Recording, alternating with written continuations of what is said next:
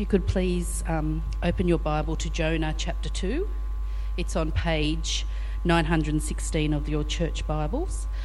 Or open up your app on your phone. Jonah chapter 2. From inside the fish, Jonah prayed to the Lord his God. He said, In my distress, I called to the Lord, and he answered me. From the depths of the grave, I called for help, and you listened to my cry.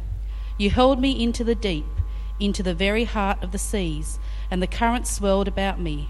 All your waves and breakers swept over me. I said, I have been banished from your sight, yet I will look again toward your holy temple. The engulfing waters threatened me, the deep surrounded me. Seaweed was wrapped around my head. The roots of the mountains I sank down. The earth beneath barred me in forever. But you brought my life up from the pit, O Lord my God. When my life was ebbing away, I remembered you, Lord, and my prayer rose to you, to your holy temple. Those who cling to worthless idols forfeit the grace that could be theirs, but I, with a song of thanksgiving, will sacrifice to you. What I have vowed, I will make good. Salvation comes from the Lord. And the Lord commanded the fish, and it vomited Jonah onto dry land. We left off the story. Uh, this, this story of Jonah is brilliant. It, it is such a good story. It is so much more than a Sunday school st- tale. We left Jonah last week, the self righteous, unlovable prophet. God's word had come to him and said, Jonah, go to Nineveh, go to Assyria, go to those big, bad guys who are horrible and nasty. We're going to learn a lot more about Nineveh next week, uh, in, in two weeks' time. Um, Go to Nineveh, go to those big bad guys and preach my gospel because they need to hear the word of God. They need to know me. You, as my prophet, you go. And Jonah said, No, thank you. And so instead of going to Nineveh, he jumped on board a ship and ran away from God. And what we learned about Jonah is that he is full of pride. Theologically, he's spot on. He would pass any theology exam, any doctrine exam, any exam, or he can give you all the theoretical answers about God. And one in one of the most ironic moments, he gets up and says, "You, God, are the Lord who made the sea and the earth." As he humbly admits that he's running away from God by traveling along the sea. Jonah is an unlovable prophet. He is proud, he is stubborn, to the point that rather than repent, when, when God sends a big storm to get his attention, hey, hey, remember me? I'm the one that you're running away from. When he sends the storm, he gives him the perfect opportunity to repent, to say, I'm sorry, to say, I'll do what you asked me to do. He says to the guys in the boat around me, Throw me over, I've had enough. And if any of us have been running away from God for any length of time, you'll kind of understand the appeal. I, I don't know if you've ever done that. I spent the first 18 years of my life running away from God. I spent the last six months where I knew about God running away from God. That's, that's when I, from when I first heard about Jesus there was a six month period where God needed to whack me around the head multiple times. I was deliberately running away from God. And it's tiring, it is exhausting, it is hard work to constantly stop that voice from gnawing away at the back of your head, to do anything you can to distract yourself from the fact that you know you are willingly actively running away from God. It is exhausting. It was so exhausting that in the middle of a storm, Jonah needed a nap. That's how exhausted he was running away from God. And don't most of us know what that feels like? In the end, he's given a choice repent and go and do something he just doesn't want to do, or die. He takes the latter. He says to the guys around him, Throw me into the ocean and the whole thing will be over. stubborn, proud Jonah. That's where we left him last week.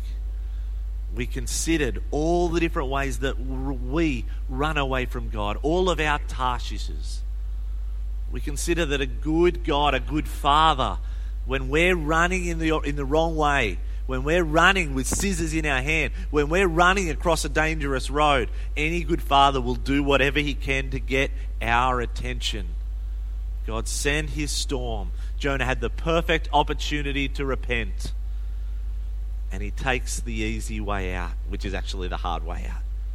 And so we left in chapter 1, verse 17. If you got your Bible, chapter 1, verse 17, which interestingly in the Hebrew is included in chapter 2 verse 17 of chapter 1 is actually verse 1 of chapter 2 in the Hebrew. But the Lord provided a great fish to swallow Jonah, and Jonah was inside the fish three days and three nights. Notice it doesn't say whale. Um, that's the one dangerous thing about kids' stories that are so good and, and so easy to remember. Um, it wasn't a whale, it was a fish. And at this point, there are so many people I know who have one big problem. Before we get there, um, I heard something fascinating um, during the week. The, the, first 1900 years of the Christian faith, so from the time of Jesus to about the year 1900, people had a massive problem with Jonah. People really struggled to believe the book of Jonah. But it had nothing to do with the fish, and it had everything to do with the location of Nineveh. You see, Nineveh, in, in their eyes, didn't, didn't exist. It was a fictitious place. And they said, well, for one, if it did exist, it was probably in the direction of Tarshish. So the idea of him running away from the Lord in the same direction felt a bit strange. And then in the year 1900, they found the, the, the town of Nineveh in modern day Spain in the complete opposite direction to Tarshish. And all the Christians were like, no, no, no, no. And, and then the next thing you know, they turn their attention to the fish. And from then on, for the last hundred years, it's been, but what about the fish? This fish has to be the most critiqued, criticized, spoken about, nasty, evil fish in the history of the universe. It, it, it has to be the most maligned fish that you've ever imagined. To the point that one commentator that I read during the week came out and said he hopes there's a provision in the new heavens and the new earth for this fish to speak, to defend himself against hundreds of years of vicious slander. But really, it's a, it's a crazy idea, isn't it? That a fish could swallow a man and that that man could live for three days and three nights before being vomited on the land. at this point, I hear all sorts of what, what, what do we what do we do with that? Um, I'm sure that there are people here who would who would love for me to go through the archives of news history and say that uh, on a on a you know, on a cloudy morning in uh, 1893 in a small town in Scotland, um, there was a man found inside the belly of a whale when it was cut open, and the man was alive and survived. I, I could go through history and find all these different accounts of rumored or, or, or different things of, of men who have survived situations like that so that we can go, it happened, so no. But I think that would take away from where we're going. Why? Because this story is ultimately not about a big fish. This story is ultimately about a big God. But because it's such a sticking point, let me give you my three reasons why I can be utterly convinced that this happened. And it's got nothing to do with this has happened before and let me show you historical evidence. The first reason that I am absolutely certain that, that this physically happened is that the whole book is, is not written like an allegory. It's not written like a fairy tale. It's not written like a long time ago in a land far, far away. Once upon a time, there lived a boy, and the boy got swallowed by a fish. We looked last week. This, this Jonah, son of Amittai, is, is a real person. He lived in a real time, in a real place. Everything that's going on is real and historical. It makes me think that this, this is meant to be taken literally. It was literally a man, literally swallowed by a fish. Secondly, the reason I don't think it's helpful to dig out old articles that say this happened or that happened is quite clearly it's meant to be a miracle, is it not? This is meant to be a, a supernatural saving event. And so we should not be surprised if this is a once in a lifetime, once in all of history event. It should not surprise us that there is no recorded history of this ever happening in the course of the world.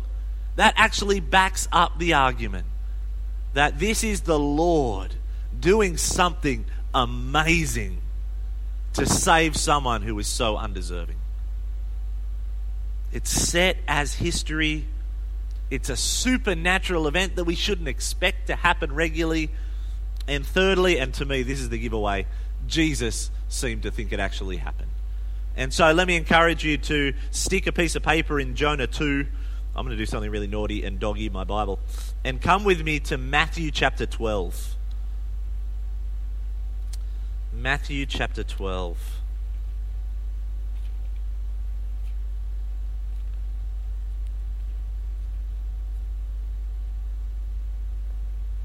Matthew chapter 12, starting at verse 38.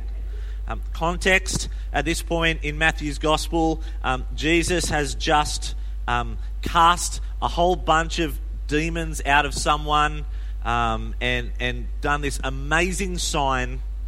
And then in verse 38, some of the Pharisees, I think, I think Jonah at this point would have been a Pharisee. He would have made a great Pharisee, a great self righteous, proud, uh, that, that's Jonah. Some of the Pharisees and teachers of the law said to Jesus, Teacher, we want to see a miraculous sign from you. it's like, um, did, did you just look at what he did five minutes ago? But, but that was in the past. I want to see a miraculous sign. He answered, A wicked and adulterous generation asks for a miraculous sign, but none will be given it except for the sign of the prophet Jonah. For as Jonah was three days and three nights in the belly of a huge fish, so the Son of Man will be three days and three nights in the heart of the earth. The men of Nineveh will stand up at the judgment with this generation and condemn it, for they repented at the preaching of Jonah. Why do I think that Jonah was literally swallowed, lived three days and three nights, and was vomited back up on the earth? Why do I have such confidence that this was a real historical event? Because Jesus had confidence that this was a real historical event. And that's good enough for me. And so, just pastorally, if you've ever been in one of those conversations where, where, where you're trying to promote the Christian faith, you're trying to say the reasons that you are a Christian and why it would be great for, for the whole world, it would be great for the person that you love deeply. When you're trying to explain to them, it would be great if you gave your life to Jesus. And they say, Well, I could believe in it, but I can't believe in a man being swallowed by a fish. Come on. Or maybe they take you back. So you're saying there was a flood that destroyed the whole earth? When they take you back to all these other things, when they move the conversation and say, you know, but what about Jonah? I, I give you permission, I give you the right to say, look, Jesus believed in Jonah. Your problem is not with a big fish your problem is with Jesus. Let's come back to Jesus. Friends, let's try not to be caught in debates about fishes and whales and men living inside their bellies. Let's bring it back to Jesus. Jesus seemed to believe that Jonah was real. How about we look at him? How about we hear what he has to say? And, and the reason that works so well and the reason we're going to turn back and actually consider and move on from the big fish is that, again, Jonah is, is not a story about a big fish. Jonah is a story about a great big God who saves unlovable people like you and me. The, the fish has such a small walk on role. The fish is an instrument. And as we're going to go on to see, The fish is not a mode of transportation, but a means of transformation. Say that again. The fish is not a mode of transportation, the fish is a means of transformation. And come back with me now to Jonah 2 as we discover this transformation of Jonah. This breaking down of a, of a stubborn, proud, hard hearted, religious Pharisee. This. Let's take a look at this transformation. And, and the first thing I want to note as we go into this chapter 2 records the prayer that he prayed from the belly of the, uh, belly of the fish um, I don't believe he was inside the belly of the fish with a pen and a, and a parchment, and you know he's getting. You know, can you just slow down? I'm at a really interesting point now. And where did he get the pen from? I, I don't know. I, I, this is clearly the reflections later on of the prayer he prayed inside the belly of the fish. But more than that, I think this gets lost sometimes.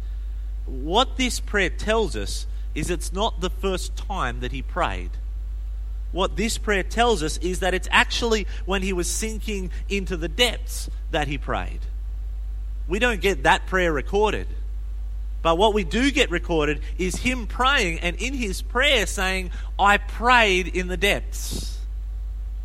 Come with me, chapter 2 and verse 2. In my distress, I called to the Lord, and he answered me.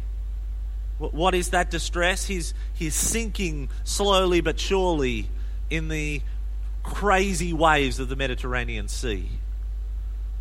He's just been thrown over. The waves were so fierce, it was, it was destroying a boat, it was ripping it to shreds. And, and if you've been in any kind of choppy water, you'll know what that's like.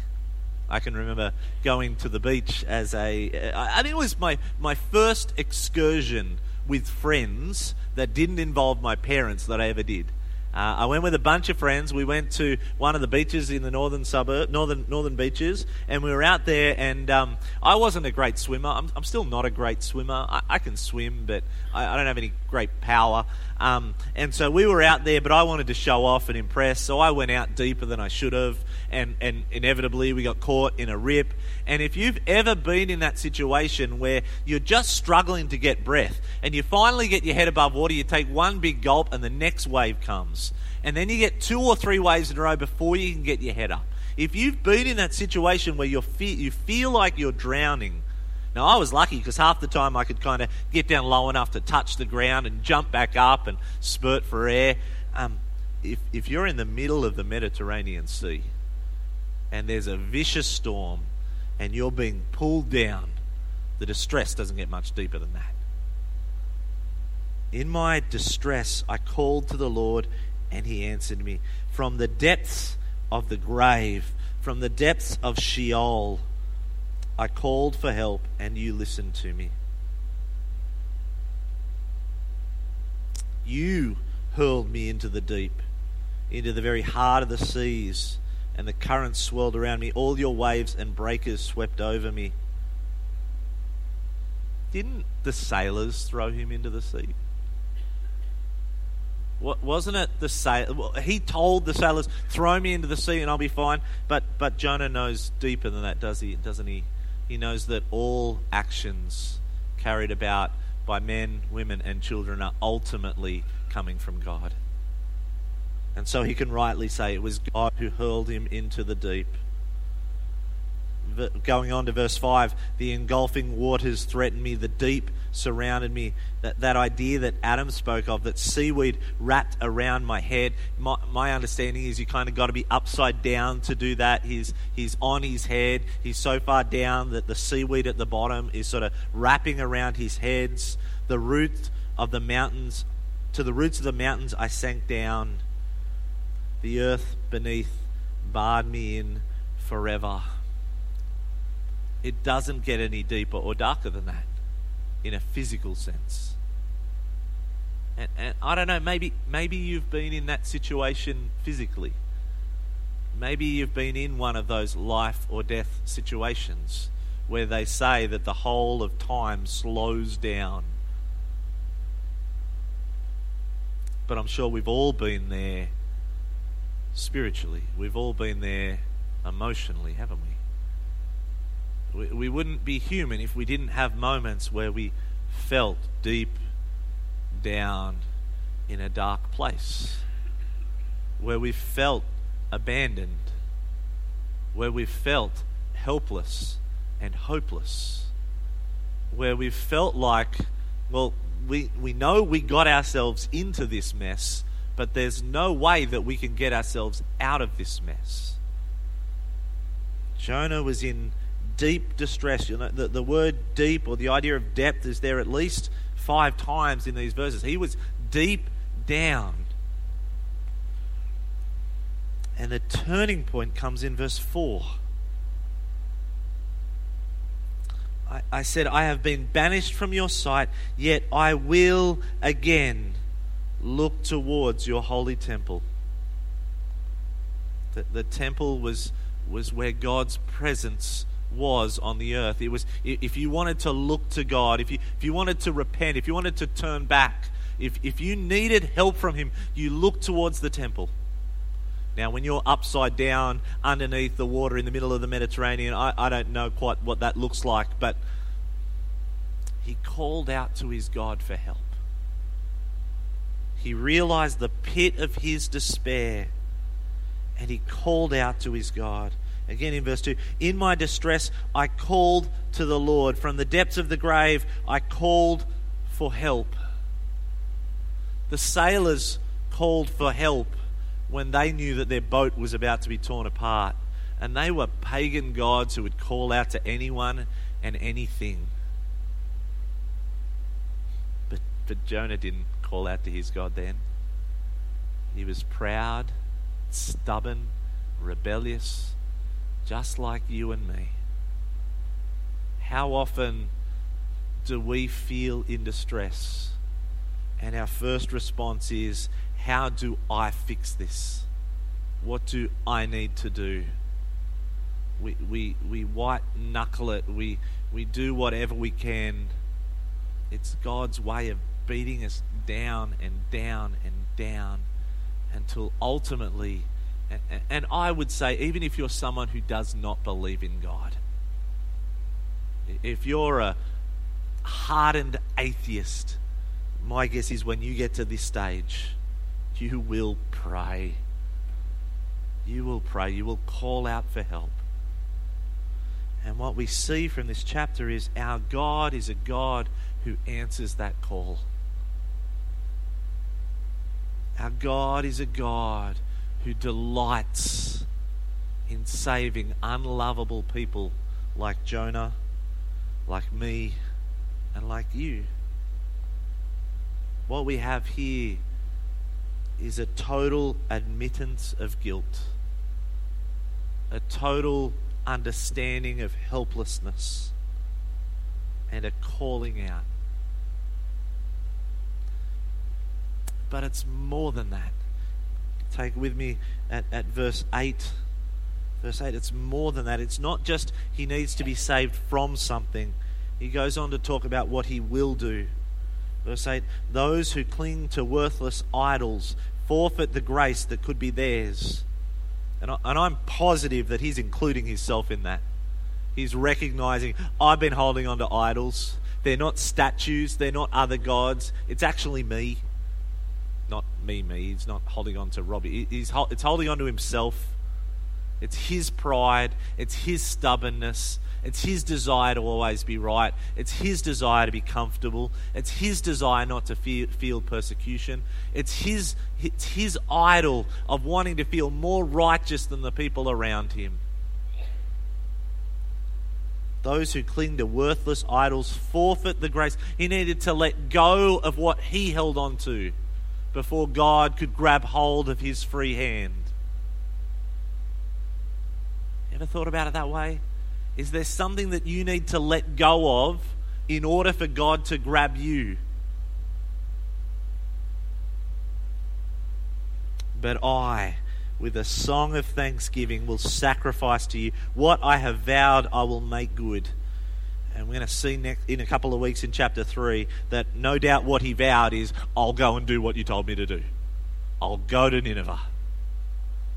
I'll preach to that great city. Salvation comes from the Lord. You see, early on when I, when I used to read this book, I, I used to think he's praying for deliverance from the fish. He's praying, Lord, save me from the fish. But I just don't think that's right. I don't think it makes sense of the text. He's saying, Lord, save me from the depths. The fish is not the judgment, the fish is the salvation. The fish is the way that God rescued him and spat him back out. You got a job to do. I'm like, well, couldn't he have sent like a an ocean liner? Couldn't he have sent something more comfortable? You know, couldn't he have got the boat that you know dropped him off to come and do a lap and come round and pick him up? Why did he have to choose a disgusting acid stomach filled fish? Because some people are so thick, and so stubborn, and so proud that they need to be humiliated before they're likely to turn back to God. Some people need to have that space where it's just them and their God. I pray for all of us that we can repent well before we get to that point.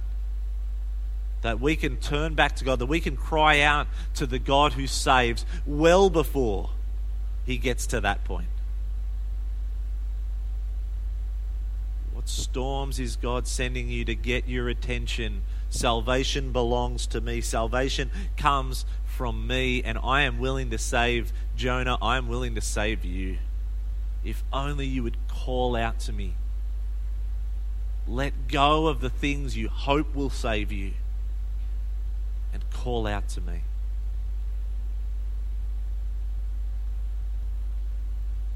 Friends, when was the last time you called out to your God and said, Help me,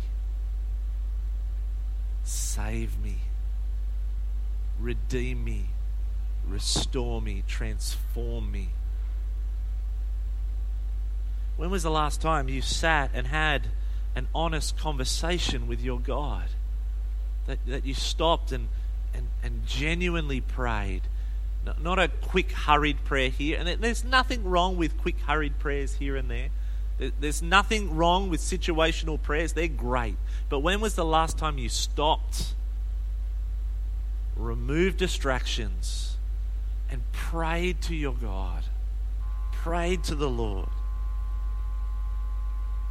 the Lord who is, who is able to use a fish not as a means of transport, but as a mode of transformation. If He can transform people inside the belly of a fish, how, how much more can He transform your life and the situation that you're in? If only we would be willing to call out to Him.